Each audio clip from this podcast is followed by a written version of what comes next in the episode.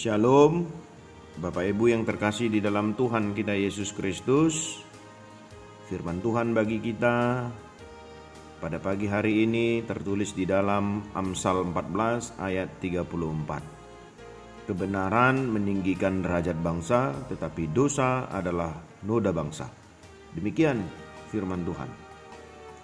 Kebenaran menjadi barang langka saat ini karena dikalahkan oleh berbagai rupa-rupa rekayasa dan pemutarbalikkan keadilan dan hukum.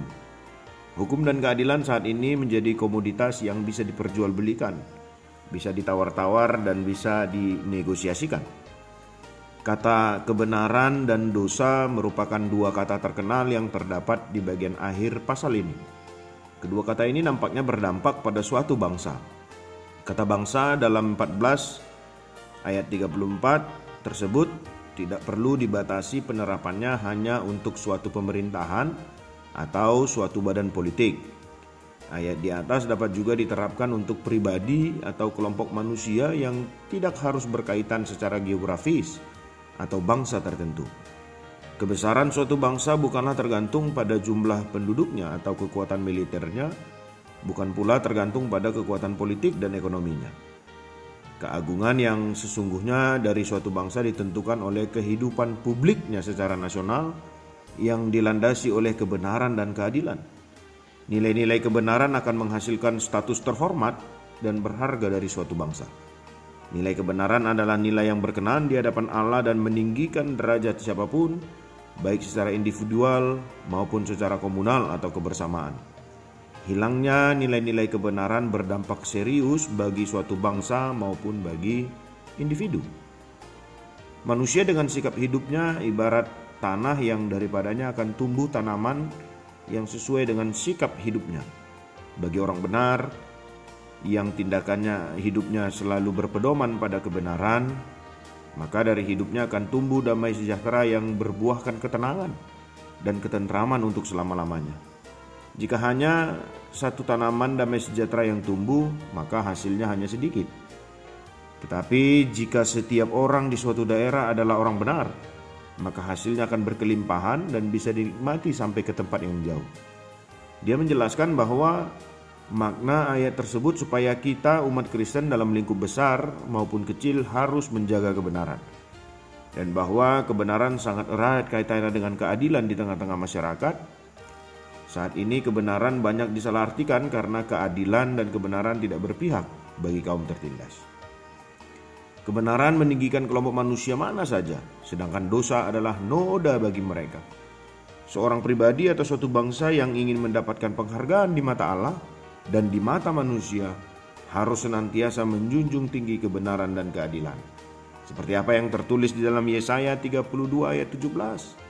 Di mana ada kebenaran, di situ akan tumbuh damai sejahtera, dan akibat kebenaran ialah ketenangan dan ketentraman untuk selama-lamanya. Kembalilah kepada firman Allah. Tuhan memberkati.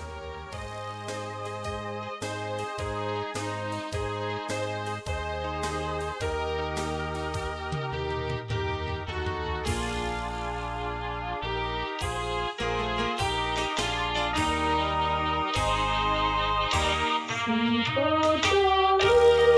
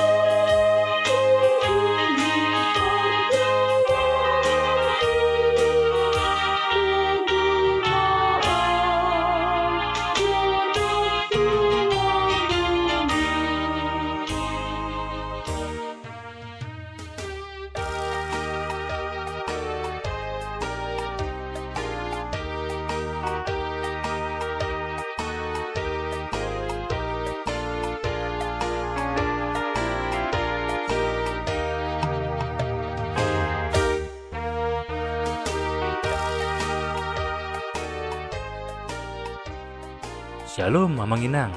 Terima kasih sudah mengawali hari dengan mendengarkan renungan hari ini.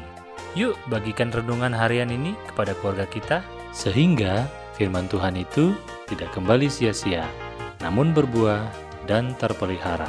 Tuhan Yesus memberkati.